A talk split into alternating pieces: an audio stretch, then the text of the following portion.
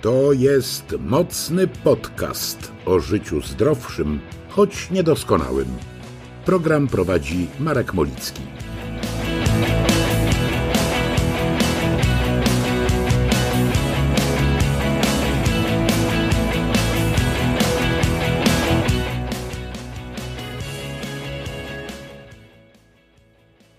Gdy byłem małym chłopcem, to chciałem być żołnierzem i 30 lat minęło, a ja nadal... Nie, stop. Znacie tą piosenkę Kazika? Na pewno, ale nie o tym będzie mowa. To taki mały wstęp i dygresja e, do mojej historii, bo owszem, przez wiele lat myślałem o tym, żeby być żołnierzem zawodowym, ale kiedy miałem 14 lat, postanowiłem zostać muzykiem.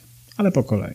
Piąty odcinek podcastu miał być o czymś zupełnie innym. Miała to być kontynuacja poprzedniego e, i naukowym wyjaśnieniem albo próbą naukowego wyjaśnienia tego, dlaczego ludzie bardzo często wierzą w bzdury. Ale zmieniłem zdanie. To znaczy, wrócę oczywiście do tego tematu, na pewno go nie odpuszczę, bo to jest e, bardzo fajny temat, ciekawy i jeśli nie interesujesz się tym na co dzień, być może dowiesz się wielu ciekawych rzeczy o tym, dlaczego pewne tematy na przykład stają się tak popularne, dlaczego teorie spiskowe stają się tak popularne i ludzie tak bardzo mocno w nie wierzą.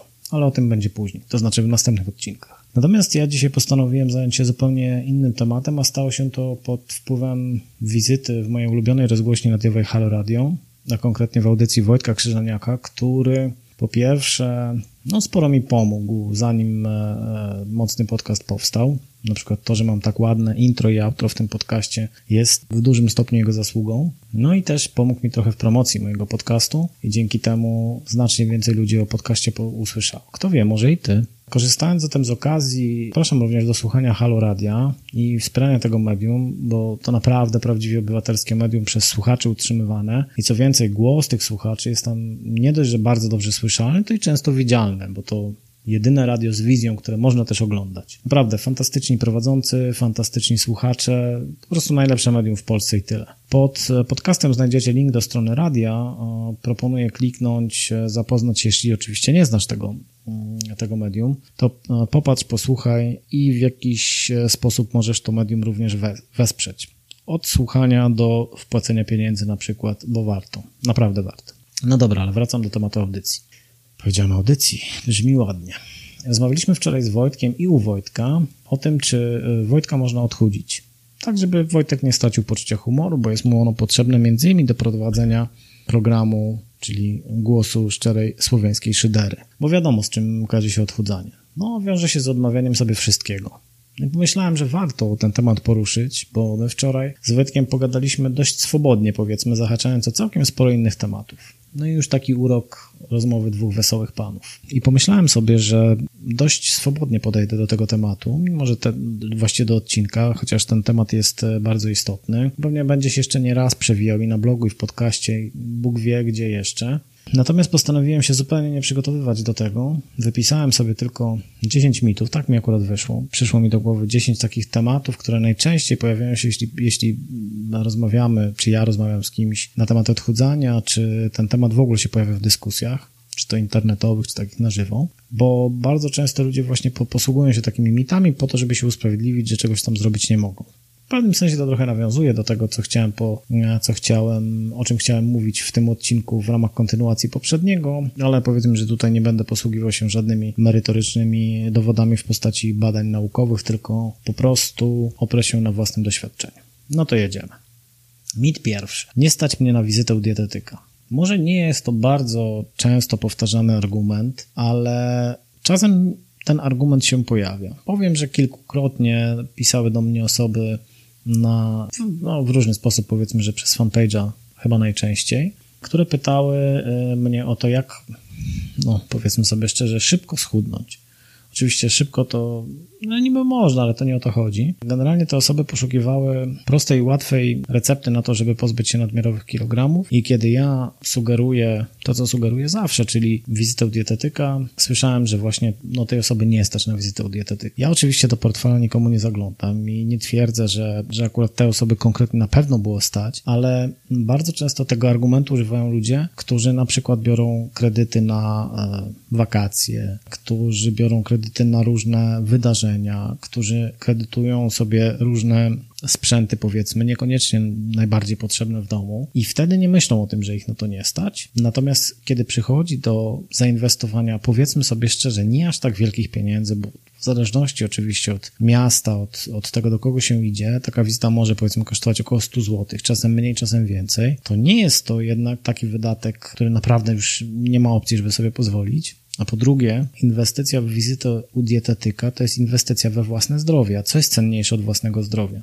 Jak stracimy zdrowie, to nie będzie nas stać też na przykład na spłacanie tych innych kredytów na inne rzeczy. No trochę taki chybiony argument, ale często, e, często się, może nie tak często przesadzam, ale czasami się, czasami się zdarza.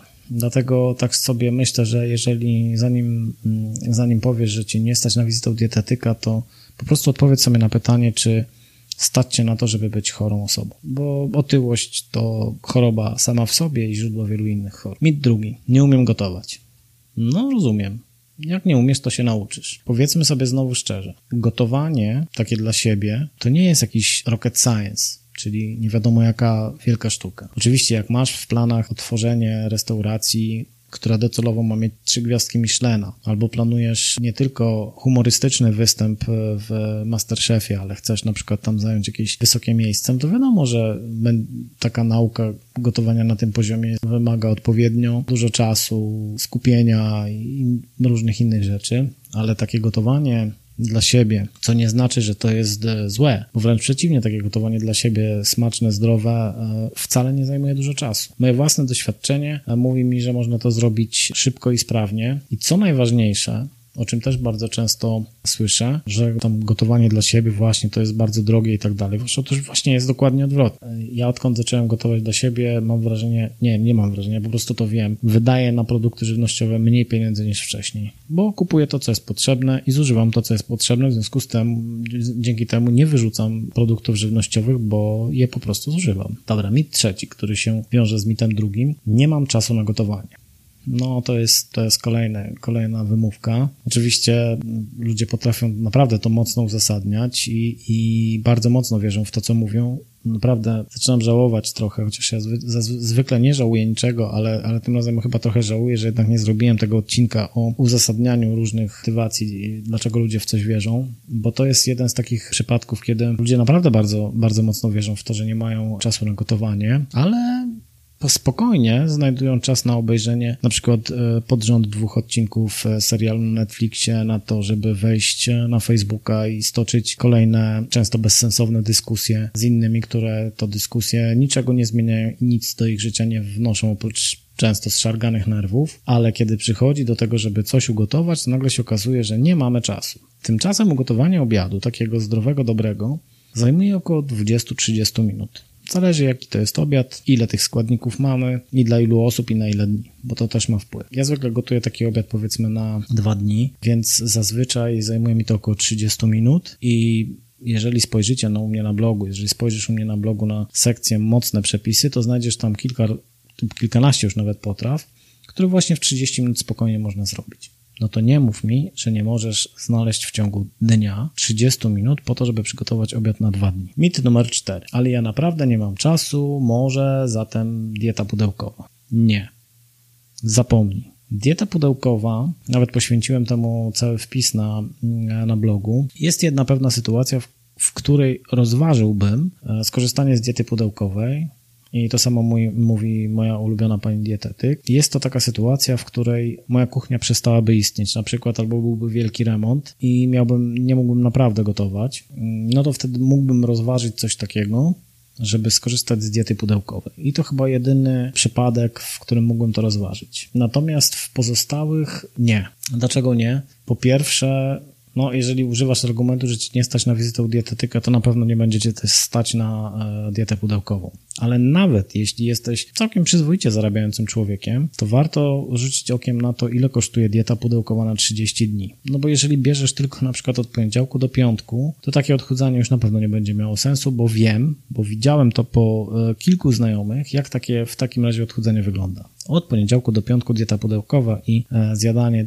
tylu kalorii, ilu tam, ile tam powiedzmy, na ile się umówiłeś w tym, w cudzysłowie, w tym sensie, że kupujesz sobie tam dietę powiedzmy na 2,5 tysiąca kalorii, no i tyle jesz. Oczywiście się nie podjadasz w międzyczasie, no to jest inna bajka. No ale potem przychodzi weekend i już pudełeczka nie przyjeżdżają. No i co wtedy robisz? Cheat, nie, to już nie jest cheat meal, to jest cheat weekend. To nie ma sensu. No więc wybierając e, dietę na 30 dni, ja sprawdziłem, że musiałbym taką dietę kupić, załóżmy dla siebie i dla żony, wyszło, że tak średnio około 3200, 3500 na 30 dni. No to szczerze mówiąc, ja za produkty spożywcze, które kupuję w ciągu miesiąca, z których przygotowuję posiłki, a przygotowujemy ich 3 dziennie plus dwie przekąski, płacę znacznie mniej niż gdyby to była dieta pudełkowa. Ale najważniejsze w tym wszystkim jest to, że dieta pudełkowa, czyli kupowanie gotowych już dań, nie nauczy cię niczego. Nie zmienisz swoich nawyków, nie nauczysz się gotować. Po prostu funkcjonujesz tak długo, jak cię na to stać i możesz sobie na to pozwolić, czy ta dieta jest gdzieś tam w okolicy na przykład, bo też się może tak stać, że będzie jakaś firma, która, której oferta ci przypasuje, ale ona z jakichś powodów zakończy na przykład działalność i wtedy albo musisz skorzystać z, in, z oferty innej firmy, albo zostajesz bez tego. No i w obu przypadkach może być różnie. Więc też to, co jest najważniejsze w przypadku diety pudełkowej, właściwie to, jaki ja widzę największy minus tej diety, to jest to, że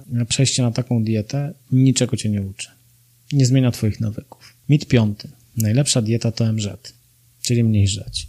Jak słyszę o tym, to nie, właściwie już się nie denerwuję, bo przecież po kursie mindfulness no, potrafię się, potrafię opanować emocje i czy tam poradzić sobie z nimi i się nie denerwuję. Natomiast dieta MZ to jest, krótko rzecz biorąc, najgorsza dieta, jaka istnieje. To znaczy, to jest e, taki chyba naj, najczęściej powtarzany mit przez wszystkich, którzy nie mają pojęcia o odchudzaniu, a którzy wychodzą z założenia, że tak, tak, tak, wystarczy mniej jeść i wtedy będzie lepiej. Teoretycznie w odchudzaniu oczywiście o to chodzi, żeby dostarczyć mniej kalorii niż organizm e, wymaga. Tylko ostrożnie z tym ja teraz stosuję pewne uproszczenie, więc e, wiadomo o co chodzi.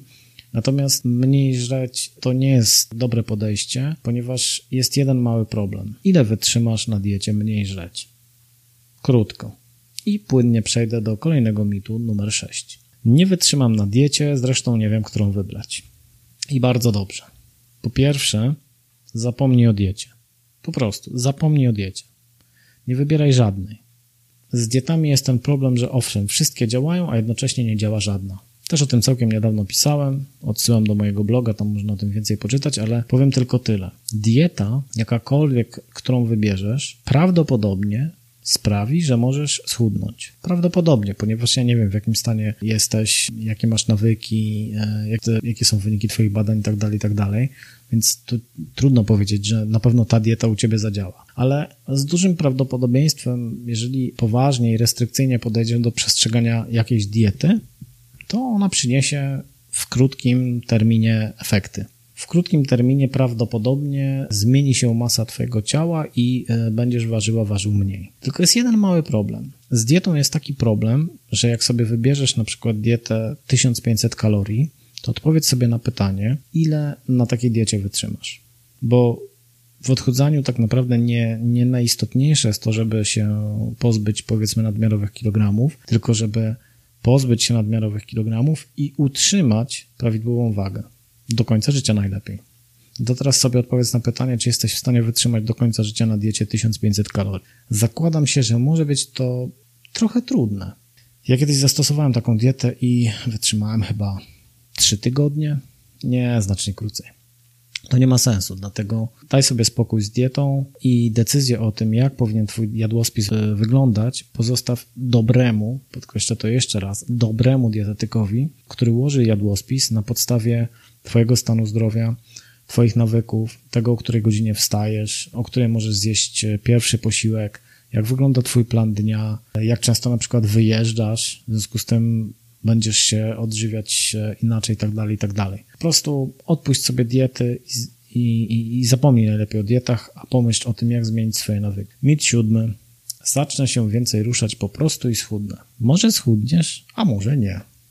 Tylko znowu, ile wytrzymasz w ten sposób? Teraz jest jeszcze jedna rzecz. To, to jest bardzo, bardzo częste mylenie e, faktów. Odżywianie się na przykład w fast foodzie z jednoczesnym uprawianiem na przykład sportu, w tym kontekście, że nie zmieniam swoich nawyków żywieniowych, lubię sobie tam w fast foodzie zjeść i nadal będę jadł w fast foodzie, ale do mojego stylu życia dołożę wysiłek fizyczny, znowu nic nie zmienia. Znaczy, to trochę zmienia, ale ale w ten sposób, że niekoniecznie na przykład mogą się poprawić twoje wyniki. Badań oczywiście. Bo nadal, nadal twoje wyniki mogą być takie sobie, a ty będziesz żyć w przekonaniu, że jest w ogóle super, hiper, ekstra, kiedy nie jest. Poza tym jest stara zasada, że 70% brzucha robi się w kuchni. No i to prawda, bo większość efektów osiągasz prawidłowym odżywianiem, a sport jest owszem bardzo istotnym, ale jednak w tym wszystkim dodatkiem. On jest bardzo istotnym elementem takiego zdrowego trybu życia i bardzo zachęcam każdego do uprawiania jakiegokolwiek sportu, który może uprawiać, bo to też nie każdy może sobie na wszystko pozwolić, albo nie każdy może sobie pozwolić na wszystko od razu, do pewnych rzeczy się dochodzi, ale naprawdę podstawą jest e, właściwe odżywianie. Dlatego zapomnij o tym, że jak się zaczniesz więcej ruszać, to temat jest załatwiony. Mit ósmy. A jeśli przejdę na dietę, to już nigdy nie będę mógł zjeść niczego słodkiego, albo w ogóle nie będę mógł zjeść na przykład fast fooda i tak dalej. Nic bardziej mylnego. Powiem tylko tak. Co ja robię na przykład, kiedy zdarzy mi się pojechać na wakacje? Jedziemy sobie z żoną na przykład na tygodniowe wakacje, gdzieś tam, gdzie mamy żywienie typu all inclusive, więc jedzenie jest w opór, to jak myślisz, czy ja wtedy zjadam jeden liść sałaty i mówię, nie, nie, więcej już nie mogę. Oczywiście, że nie. Jem to, na co mam ochotę. I bardzo często się zdarza, że wracam z tych wakacji, na przykład ważę 5 kg więcej. No i co z tego? Wakacje są takim etapem, takim momentem, kiedy pozwalam sobie na więcej, ale wracając po wakacjach, wracam również do tych prawidłowych nawyków, więc krzywdy mi to nie zrobi. Poza tym jest też coś takiego jak cheat meal, czyli taki powiedzmy oszukany w cudzysłowie posiłek. To może to być właśnie jakiś fast food, może, może to być jakiś e, super, hiper kaloryczny deser. Oczywiście to znowu ustalasz sobie takie rzeczy z dietetykiem i, e, i w odpowiednim momencie odpowiednie rzeczy możesz włączać do, do, do jadłospisu po to, żeby sobie po prostu krzywdy nie zrobić albo nie zdemotywować się, ale po pewnym czasie jest, jest to normalne działanie. Czyli mój styl i odżywiania wygląda w ten sposób, że na co dzień jem zdrowe rzeczy, powiedzmy tak, Chociaż właściwie już się trochę nad tym nie zastanawiam, bo po prostu działam nawykowo. Natomiast y, jem rzeczy zdrowe, ale dzięki temu, że jem tak na co dzień, to jeżeli raz na jakiś czas sobie odpuszczę, nic złego się nie dzieje. Jest jeszcze jedna rzecz, jak to mówi, y, zresztą całkiem niedawno mieliśmy taki trudny okres dla odchudzających się, chociaż ja właśnie zacząłem odchudzanie się pod sam koniec y, listopada, w związku z tym cały ten okres przeszedłem powiedziałem, suchą stopą i co więcej, po pierwszym miesiącu odchudzania zaliczyłem 7,5 kg mniej, z czego w całości to była tkanka tłuszczowa, a to był czas świąt Bożego Narodzenia, potem słynnego tygodnia od Bożego Narodzenia do Sylwestra, kiedy dojada się to, co zostało po, po, po świętach. Potem jest Sylwester, a ja jeszcze na początku stycznia mam urodziny, więc mam taki złoty okres, kiedy naprawdę można dużo zjeść. A tymczasem można owszem jeść, ale rozsądnie i schudnąć. W każdym razie mówię o tym okresie nie bez powodu, bo moja ulubiona pani dietetyk powtarza, że nieważne jest to, co robisz od Wigilii do Nowego Roku, ale ważne jest to, co robisz od Nowego Roku do Wigilii. Rozumiesz? Trochę Paulo Coelho, ale, ale to ma sens. Mit dziewiąty. Nie uda mi się odchudzanie, bo ja często wyjeżdżam. No i co z tego?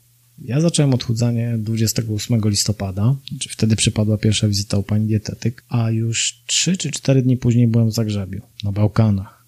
A wiesz co ja sądzę o jedzeniu na Bałkanach? Uwielbiam je.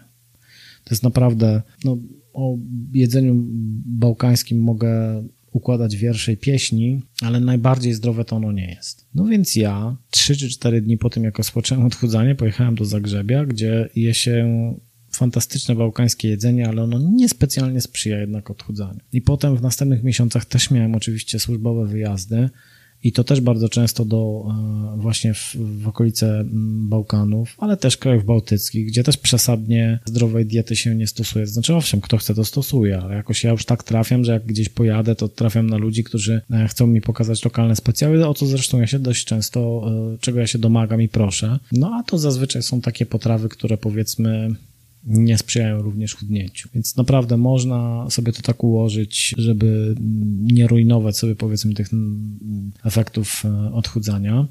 Co więcej, znowu taki wyjazd można potraktować też czasami jako pewne odstępstwo od, e, od reguły. Ja zresztą o tych wyjazdach również napisałem artykuł na blogu, więc od, odsyłam. Natomiast tak w skrócie mogę powiedzieć, e, jak to wygląda. Śniadanie zazwyczaj w hotelu, ale to też nie oznacza, że muszę na talerz napchać wszystko ze szwedzkiego stołu, co tam jest, tylko mogę sobie wybrać takie rzeczy, które zjadłbym normalnie, gdybym był w domu i spokojnie z tego można wybrać i to, że jestem na przykład na śniadaniu w hotelu, nie oznacza, że muszę zjeść cztery razy więcej niż zwykle. W ciągu dnia też, jeżeli wybieram sobie obiad, to mogę, mogę zjeść to, co jest naprawdę fajne i dobre, albo potraktować ten obiad jako właśnie jakiś tam ten cheat meal. Ale to też nie oznacza, że muszę e, zjeść sześć razy więcej niż zwykle. Więc zachowanie takiego zdrowego rozsądku naprawdę mm, pozwoli przetrwać e, wyjazdy służbowe, czy prywatne, czy jakiekolwiek i nie zrujnować efektów odchodzenia. No i minut dziesiąty, nie każdy może schudnąć. A ja uważam, że każdy może, tylko u każdego może to wyglądać inaczej. Dlatego tak bardzo ważna jest rola dobrego dietetyka, o czym ja powtarzam do znudzenia, bo ten dietetyk naprawdę jest kluczem do sukcesu i, i, w, i kiedy ma się do, współpracuje się z dobrym dietetykiem, to wtedy łatwiej jest o zmotywowanie się, łatwiej jest osiągnięcie sukcesu, utrzymanie tych efektów i tak dalej, i tak dalej. Naprawdę trudno jest przecenić rolę dobrego dietetyka w procesie odchudzania. Oczywiście są takie historie jak Hashimoto, insulinooporność i pewnie parę innych, które no, nie ułatwiają y, odchudzania, no ale znowu, od tego jest dobry dietetyk, żeby wziąć pod uwagę wszystkie ewentualne przeszkody, które występują w procesie odchudzania i tak ułożyć ten plan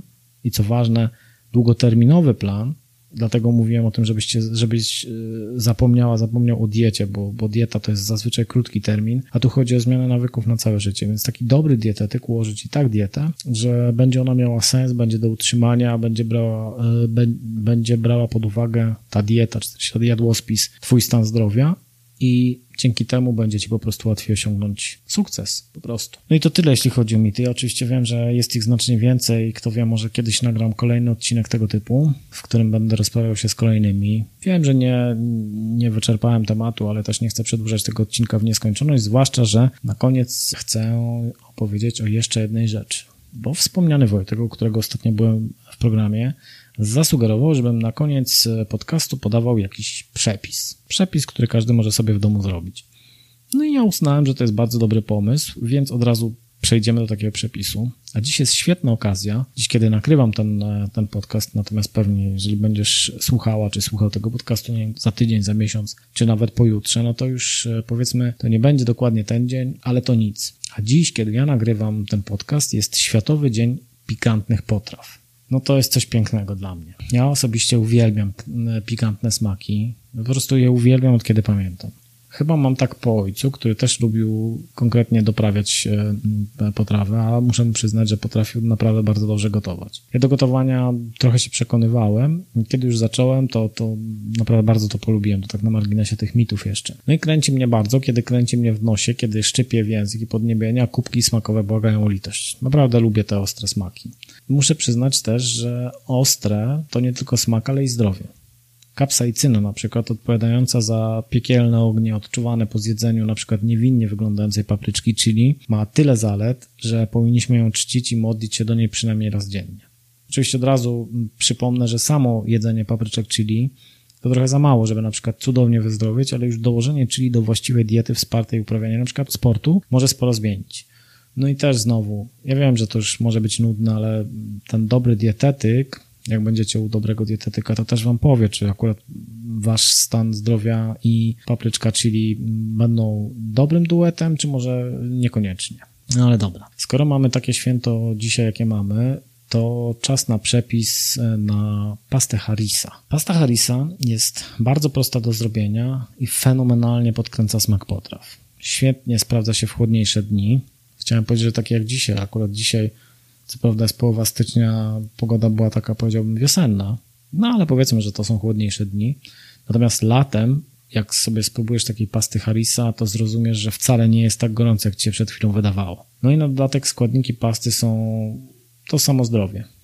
No to robimy. Co potrzebujesz? Ja na przygotowanie takiej pasty Harisa biorę 20 do 25 czerwonych papryczek chili, Mogą być świeże, mogą być suszone, najlepiej, żeby powiedzmy 20 było świeżych, a 5 niech będą sobie takie mm, już trochę podsuszone. Do tego jedna czerwona papryka, Jeśli chcecie, żeby ta pasta Harisa była w wersji hardcore, to możecie tą czerwoną, zwykłą taką paprykę pominąć, ale lepiej ją sobie weźcie. Do tego 6 ząbków czosnku. Mi akurat taka ilość e, w tym zestawie najbardziej pasuje, ale pamiętajmy, że czosnek ma bardzo wyraźny smak i zapach, więc musicie poeksperymentować i sprawdzić, mm, ile wam e, pasuje najbardziej. Mi 6, 6 ząbków czosnku do 25 czerwonych papryczek idealnie się sprawdza. Do tego dwie łyżeczki mielonego kuminu, czyli kminu rzymskiego, dwie łyżeczki mielonej kolendry, szczypta soli i 3 do 4 łyżek oliwy z oliwek. No i jedziemy z koksem. Papryczki chili najpierw wrzucamy do naczynia z gorącą wodą i zapewniamy im komfortowe warunki do odpoczynku.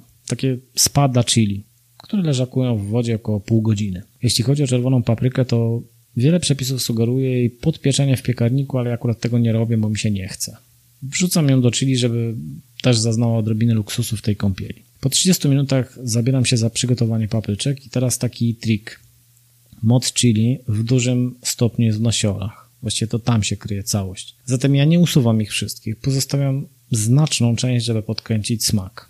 No ale ostrożnie z tym. I jedna taka uwaga, jak zaczniesz, e, zaczniesz te mm, e, papryczki mm, e, ciąć, czyścić, cokolwiek, jak dokonywać jakiejkolwiek obróbki, to uważaj, bo zapach może naprawdę być, podziałać na ciebie jak gaz, policyjny gaz pieprzowy. Dobrze. Paprykę czerwoną oczyszczam dokładnie, w tym przypadku wszystkie nasiona wyrzucam, bo one akurat nic nie dają, mogą tylko irytować. Czosnek po prostu obieram. No i teraz klub programu. Wszystko wrzucam do miksera, dosypuję przyprawy, dolewam oliwy i jazda. No naprawdę, zapach tego potrafi być bardzo intensywny i może podrażniać, więc ewentualnych, mm, ewentualne wrażliwe osoby y, poproście o opuszczenie kuchni, bo różnie może być. Jeśli ktoś pyta, czy można to zmiksować ręcznym blenderem, to owszem można, ale akurat to sugeruje naprawdę twardzielą, albo ewentualnie, jeżeli macie maskę taką przeciwgazową, to, to załóżcie ją, bo możecie przestać widzieć, co robicie, a to nie o to chodzi, zwłaszcza jak się używa mm, narzędzia, które ma ostre końcówki. W każdym razie miksujecie ten zestaw tak, tak długo, aż będziecie mieli w, ma, w miarę jednolitą pastę, to w sumie w tych, przy tych składnikach to kilka minut. Taki gotowy produkt przekładam do małych słoików i wstawiam je do lodówki, gdzie Harisa mogłaby spędzić no, pewnie jakieś tam dwa tygodnie. Tak podobno jest, ale ja tego nie wiem, ponieważ u mnie schodzi bardzo szybko. No i to wszystko. Prawda, że łatwe? Prawda. No to niech moc będzie z wami, a my słyszymy się za tydzień.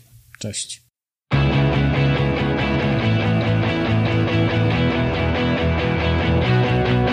To był mocny podcast. Nie zapomnij odwiedzić bloga mocnymarek.pl. Do usłyszenia w następnym odcinku.